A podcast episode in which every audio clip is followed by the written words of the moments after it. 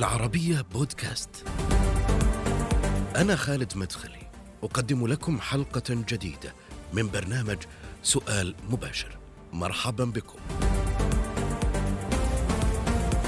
لأنه أستاذ للنقد نجده كثيرا ما يتعرض للنقد اتهم بأنه من الأضداد تارة في دينه وتارة في وطنيته ربما السبب كما يرى الكثير من محبيه لأنه يرفض الشعارات ولا يخشى أن يسمي الأش- الأشياء بأسمائها بطريقة مباشرة وصريحة. الكاتب والناقد السعودي أستاذ النقد والنظرية في جامعة الملك سعود الدكتور عبد الله الغدامي في سؤال مباشر. دكتور عبد الله مرحبا بك حياك الله معي في سؤال مباشر. الله يحييك ويبارك فيك. دكتور في البداية يعني نريد فقط أن نشير إلى أننا سنخصص الجزء الأكبر إن لم يكن كامل هذه الحلقة في الحديث عن مصطلح التطبيع. أريد في البداية أن أعرف موقف الدكتور عبد الله الغدامي من قضية التطبيع. ما هو؟ شكرا جزيلا. موقفي تعرف يعني الذاكرة التي أنتمي لها في جيلي والحياة التي مررنا بها القضية الفلسطينية كانت هي القضية الوحيدة في في في في حياتنا عموما في. مطالع حياتنا في بريطانيا في البعثة مثلا ما عندنا ما في أي قضية في بريطانيا مع مع العالم الآخر هناك إلا القضية الفلسطينية. مم. وكنا من من قلوبنا يعني ندافع عنها وبصدق وبعزيمة وهي من أصل قبل أن نسافر يعني الارتباط الكامل مع القضية الفلسطينية. فهي قضية ضمير بالدرجة الأولى. لذلك أنا ضد التطبيع.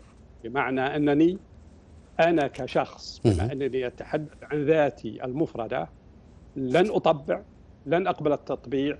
التطبيع نفسه هو اللي يجري الآن مع كل العقلانية التي عندي لكنني أعيش بألم اللحظة. بحكم اختصاصك اللغوي والنقدي كيف تقرأ خطاب التطبيع؟ هذا المصطلح والتحولات التي مر بها على مدى العقود الماضية وصولا إلى ما نحن عليه اليوم. نعم. يعني إحنا لو استعرضنا العقود الخمسة الماضية أم، ما أبغى أكرر رقم خمسة صار كأنها سجعة أه، نستطيع أن نتلمس خمسة أه، مصطلحات للتطبيع مرة بخمس مصطلحات بخمسة مصطلحات. سأستعرضها سريعا. أه، المصطلح الأول سأقول التطبيع الثقافي. التطبيع الثقافي ممكن نمضي به لنقول إنه أعلى درجاته ذروه التطبيع الثقافي كان يمثلها إدوارد سعيد، إدوارد سعيد في الغرب كان آه، شكله واسمه ومقامه وموقعه الثقافي والأكاديمي والموقع الجماهيري العام في أمريكا وفي أوروبا أنه معادل رمزي لفلسطين، يعني. مجرد ظهوره أو ظهور اسمه أو ظهور اسمه أو أو حضور محاضرة أو ندوة أو إلى آخره. الاسم الذي يأتي فيه حتى لو كانت من محاضرة بال- بالنظرية النقدية بموضوع بحث. علمي يظل هي فلسطين تتحدث عبر هذا الاسم وهذا ال- الهيئة هو اختار أن يكون مطبعا بمعنى أنه على علاقة مع الإسرائيليين يعمل مشاريع ثقافية وفنية ويعتقد أن الفن والثقافة ممكن أن تكون علاج للتوترات وتحول الإنسان من متحاربين الأطراف متحاربة إلى متعايشة ومتسالمة. فهو جمع بين مفهوم التطبيع ومفهوم النضالية دون أن يتعارض المفهومان عنده. يقابل إدوارد سعيد بالنسبة للأفراد كأشخاص. ياسر عرفات الذي في عام 1995 وافق على أوسلو ووقع عليها وطبع. ترك البندقية وأخذ غصن الزيتون غصن الزيتون يرمز لأنه خلاص انتهى زمن البندقية غصن غصن الزيتون يعني السلام يعني التفاوض واستمرار التفاوض ووازن بين مفهوم التطبيع والنضالية تحت عنوان الغصن الزيتون ال- ال- الأخضر مم. مم. تطبيع ثالث مختلف عن السابقين هو التطبيع الإعلامي. التطبيع الإعلامي أدخلته قناة الجزيرة منذ أن أسست تعاملت مع الإسرائيليين حضروا لل- للقناة أوصلت قناة الجزيرة الإعلام الإسرائيلي إلى بيوت العرب كلهم في. المنطقة العربية وفي المهاجر. قدم الإسرائيليون وجهة نظرهم أوصلوها لكل عربي وعربية هذا تطبيع سواء شاءت الجزيرة أم لا بس الواقع الفعلي أنه تطبيع إعلامي بين قوسين إعلامي. لأنه أوصل الصوت الإسرائيلي والتفكير الإسرائيلي ونمط التفكير ومصطلحات التفكير الإسرائيلية ودخلت إلى بيوت العرب وإلى أذهانهم وإلى النسيج الذهني والتفكيري عند العرب. هذا التطبيع الإعلامي.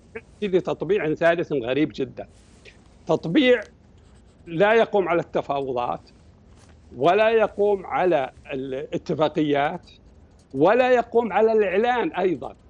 بمعنى أنه تطبيع يرى أصحابه أنه لا يحتاج إلى تفاوض ولا يحتاج إلى اتفاقيات ولا يحتاج حتى إلى إعلان كأنه فطري فطري طبيعي.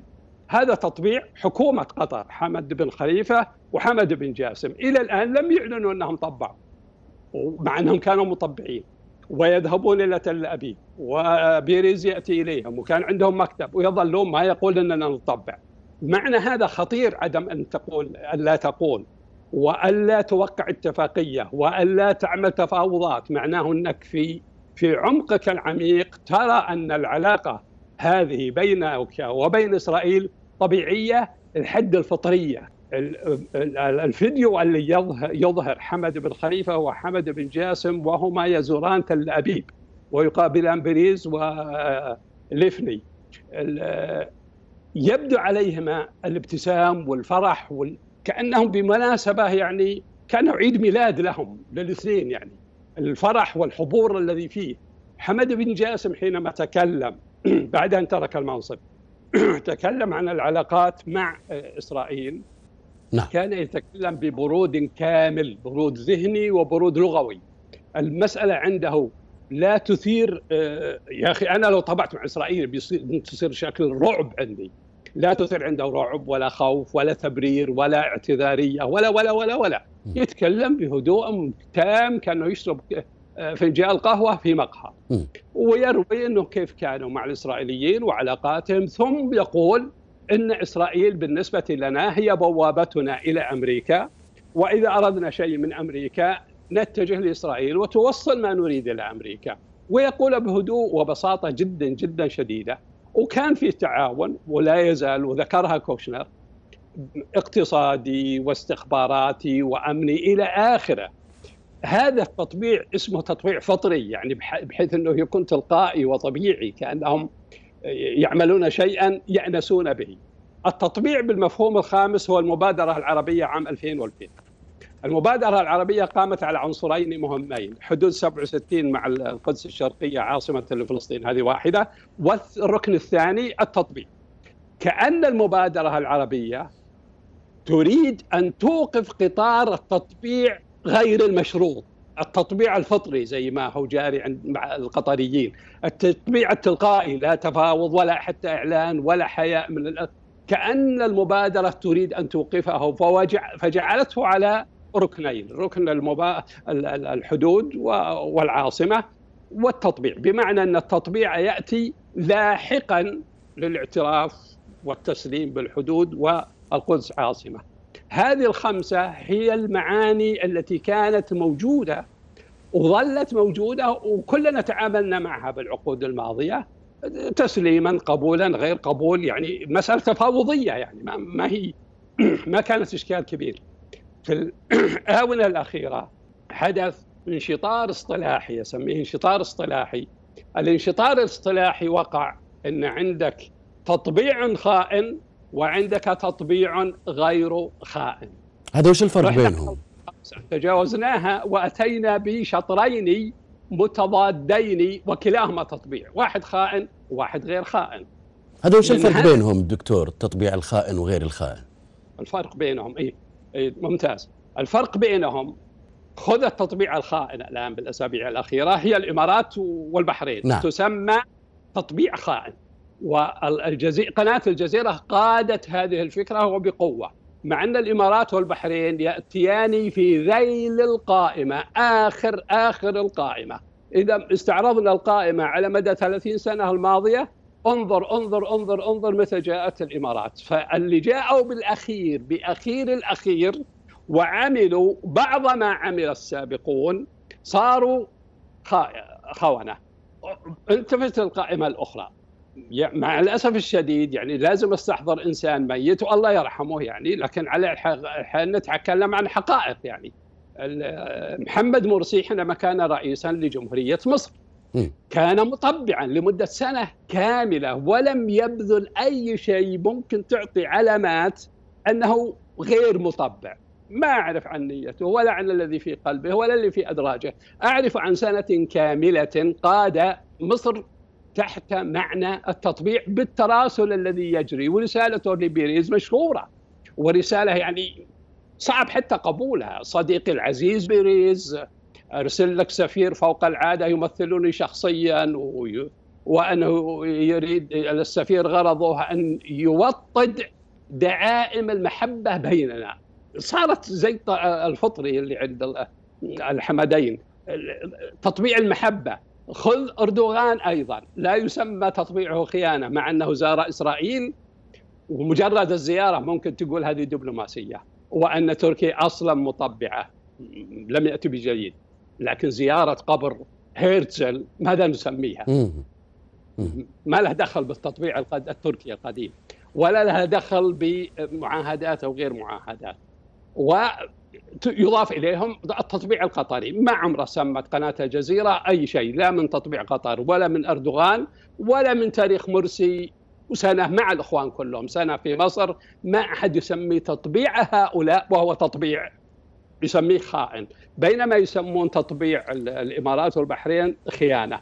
مع أن التطبيع هنا واحد والأقل جرعة الأقل حدة وشدة هو تطبيع الإمارات والبحرين إذا قورن بتطبيع قطر وتطبيع أردوغان بالصفقات الأسلحة وميزان التجارة بين الاثنين والأسلحة والمعدات والصناعات نعم. العسكرية نعم. وكل شيء يعني إلى أقصى حدود كل شيء ومرسي تقبل معاهدة دي كامب ديفيد وأدارها بنفسه لمدة سنة هنا إما أن نقول هذا تطبيع وهو تطبيع لماذا لا نقول إنه خيانة؟ لا بأس أنا أتفهم الا نسميه خيانة حسنا اذا ليش نسمي الإمارات إن تطبيعهم والبحرين خيانة؟ فإما أن يكون الجميع خونة أو أن يكون الجميع عاديون يتعاملون بسياسة وأخذ وعطاء. هنا الانشطار الدلالي في في هذا المنطقة لكن ماذا وراء هذا الانشطار؟ يعني آه، في في إحدى الصحف القطرية كان كاتب قطري معروف ذهب إلى ما ذهبت إليه، يعني صنف هذا التطبيع البحريني والتطبيع الإماراتي مع إسرائيل بأنه بمثابة الخيانة، الطعنه في الظهر، آه، آه، بمثابة يعني وأن يعني مثابة خيانة، طعنه في الظهر للقضية الفلسطينية وللفلسطينيين ويعني تجاوز لكل المآسي التي مروا بها الفلسطينيين خلال الفترة الماضية، ماذا وراء ذلك من أهداف؟ برأيك؟ طبعا على مستوى التحليل الدلالي لدلالات الخطاب ليس الكلام الذي قاله الأخ القطري وهو يقال من غيره طبعا ليس له مكان بالتحليل ليس له مكان بمنطق الأشياء ومنطق المصطلحات وإنما مكانه بموقع آخر بنظرية الاستقطاب الاستقطاب الذي تقوم على فصل الخارطة الذهنية في منظوري للبشر إلى فريقين. فريق خير وكل ما يفعله هذا الفريق الخير فهو خير. وفريق آخر شرير وكل ما يفعله ذلك الفريق الشرير شرير. حتى لو تساوى الفعلان بين الطرفين يظل ما أفعله أنا خير وما تفعله أنت شرير. هذه نظرية الاستقطاب الشعبوية جيد. التي التي ولدت يعني للأسف في المجتمعات الديمقراطية في أمريكا وفي أوروبا والتي تقسم الذهنية إلى فسطاطين واحد خير وواحد شرير.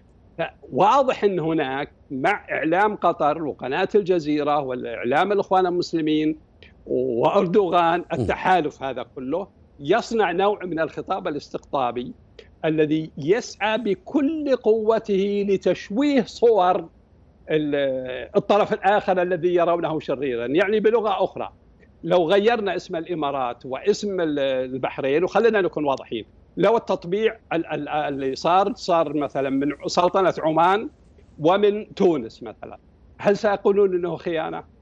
لن يقولوه لماذا؟ لأن عندهم علاقات لا يريدون أن يفرطوا بها بين مع سلطنة عمان ولا مع تونس م. علاقاتهم مع البحرين والإمارات أصلا سيئة. ولا فيه شيء يخسرونه انهم يفرطون بالعلاقات يسيئونها يؤدون إلى احتكاكات. فبالتالي الإمارات والبحرين في الذهن القطري ذهن قناة الجزيرة ذهن أردوغان ملغاه أصلا. فبالتالي أن تنسب لها كل هذه لا يهم الآن المنطق. طيب. ولا الحجة ولا الإقناع ولا يهمهم أن أغضب أنا أو أنت أو تغضب الإمارات أو تغضب البحرين. يهمهم جمهور عربي عريض يريدون أن يستقطبوه لصفهم ويزودوه بهذه الأفكار وإلا ما الفرق؟ ما الفرق بالكلام الذي رويته وتفضلت بذكره عن الكاتب القطري؟ كل الكلام الذي هو قاله لم يعطي سببا واحدا واضحا ما الذي جرى من الإمارات والبحرين ولم يجري من قطر نفسها. أشرت إلى مصطلح أو تصنيف سادس ظهر اليوم موضوع تطبيع الضرورة بالإضافة إلى ما ذكرت يعني الخمسة مصطلحات والتصنيفات التي ذكرتها هناك من يرى اليوم بأن تطبيعه هو ضرورة بحكم ظروف مقتضيات مواقف معينة وهنا أتحدث بشكل مباشر عن السلطة الفلسطينية وخطاب القيادة الفلسطينية الأخير لكن يرون هؤلاء بأن تطبيع دولة الإمارات والبحرين هو تطبيع ليس لهم أساس. ولذلك فهو يعتبر من وجهة نظرهم خيانة غدر وطعنة في الظهر. كيف تنظر إلى هذا التصنيف؟ أود أحرر مصطلح الضرورة لأنه إذا كان مصطلح الضرورة عند الفلسطينيين ومن طبع من غير الفلسطينيين فهو حينئذ خائن. هذا سيشمل قطر وأردوغان وحكومة مرسي سنة في في ذلك العهد. في التساوي. إذا حصرنا الضرورة عند الفلسطينيين. طيب ماذا عن السلطة الفلسطينية دكتور؟ السلطة الفلسطينية نأتي.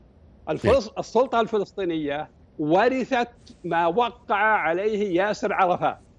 حينما وقع ياسر عرفات اتفاق كان. توقيعه مبنيا على خطابه في الأمم المتحدة حينما عرض البندقية وغصن الزيتون. وقالوا لهم لهم في خطبته المشهورة لا تجعلوا هذه تسقط هذه لا يريد البندقية أن تسقط غصن الزيتون هل هو تطبيع ضرورة هل يمكن أن يندرج تحت هذا المصطلح؟ هو مصطلح الضرورة حينئذ لازم نعرفه م. إذا كنت مجبرا بحيث أن لا, لك لا خيار لك على الإطلاق إلا أن تفعل هذا حينئذ فهذه ليست ضرورة هذه واقعية تصبح م. يعني الضرورة شيء آخر. الضرورة هي الإجبار القهري.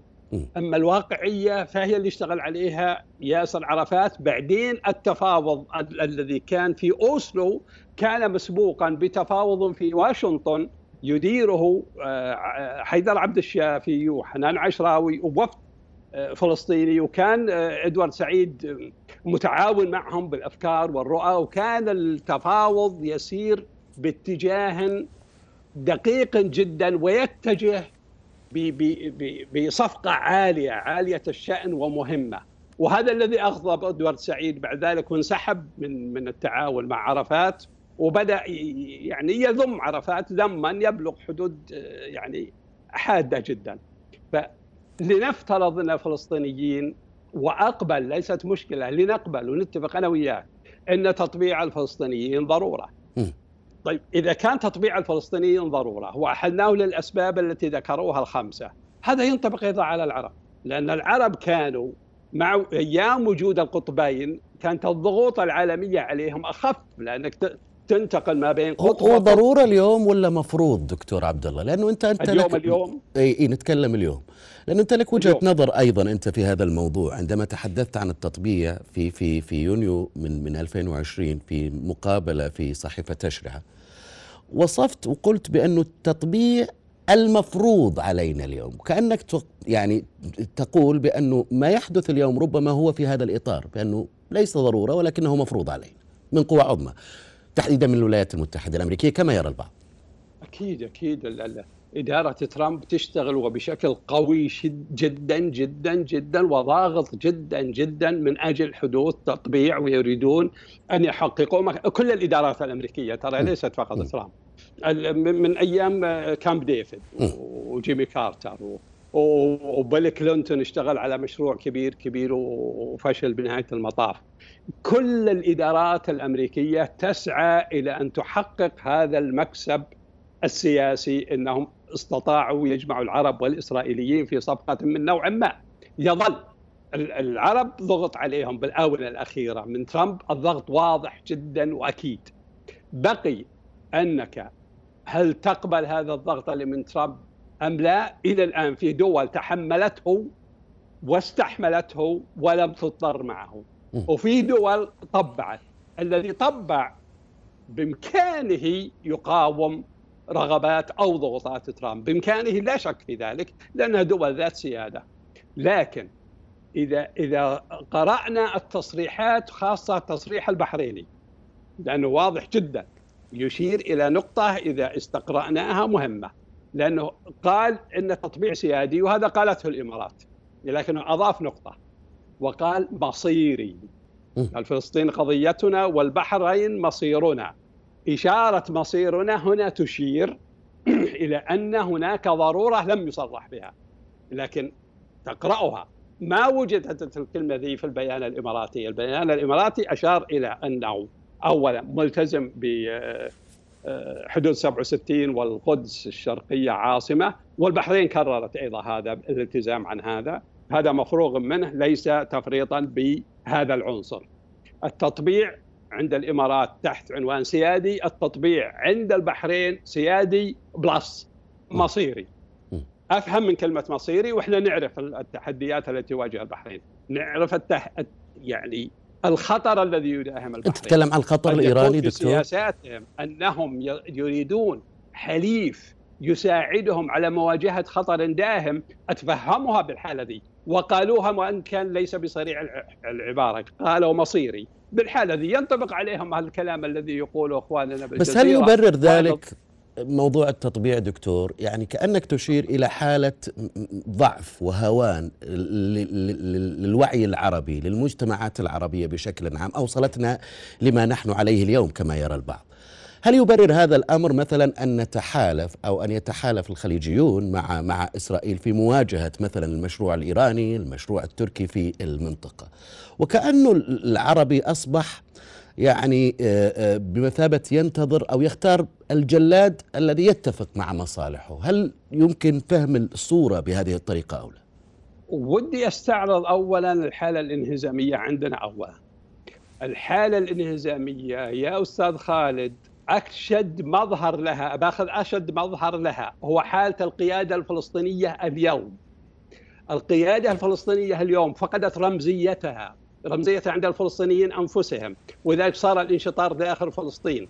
أخطر من هذا هو اللي أنا معني به لأن الفلسطينيين ادرى بشؤونهم الداخلية. أخطر من هذا القيادة الفلسطينية فقدت مصداقيتها ورمزيتها أمام الجيل العربي الجديد، الجيل اللي مو أنا وجيلي. وأنت جيل الجيل الشاب اللي بعدنا لكن فيها الأصغر أيضا. جيل الذكاء الاصطناعي جيل التكنولوجيا جيل الذي بدأ يتشكل عنده وعي أن الوطن هو الوطن الجغرافي السياسي ذو الحدود الجغرافية السياسية. إحنا في زماننا كان الوطن هو الوطن العربي كله. وكلنا وكنا كأننا جيش من الفدائيين من أجل الفلسطينيين. نقبل حتى أخطائهم نقبل حتى إساءاتهم لنا نبرر لهم نتحملهم إلى إلى إلى إلى. لأن القضية كانت هي رقم واحد عندنا. اليوم الجيل الجديد عنده وعي آخر مختلف. لا أقول إنه أحسن أو أسوأ. أنا أحكي عن وعي مختلف. القيادة الفلسطينية خارج الزمان خارج الوعي الثقافي الجديد. يحتاج فلسطين إلى قيادة شابة تستطيع أن تخاطب الجيل العربي الشاب. يعني خذ مثال يعني لما خطب محمود آه، عباس قبل أظن قبل أي في اجتماع القيادة الفلسطينية مؤخرا. ممتاز. تذكر خطبته. يعني لو واحد غيره عنده رمزيات ويعي الوجدان العربي الشاب كان توجه لهذا الوجدان. وخاطب الوجدان العربي الشاب واستقطبه لجهته.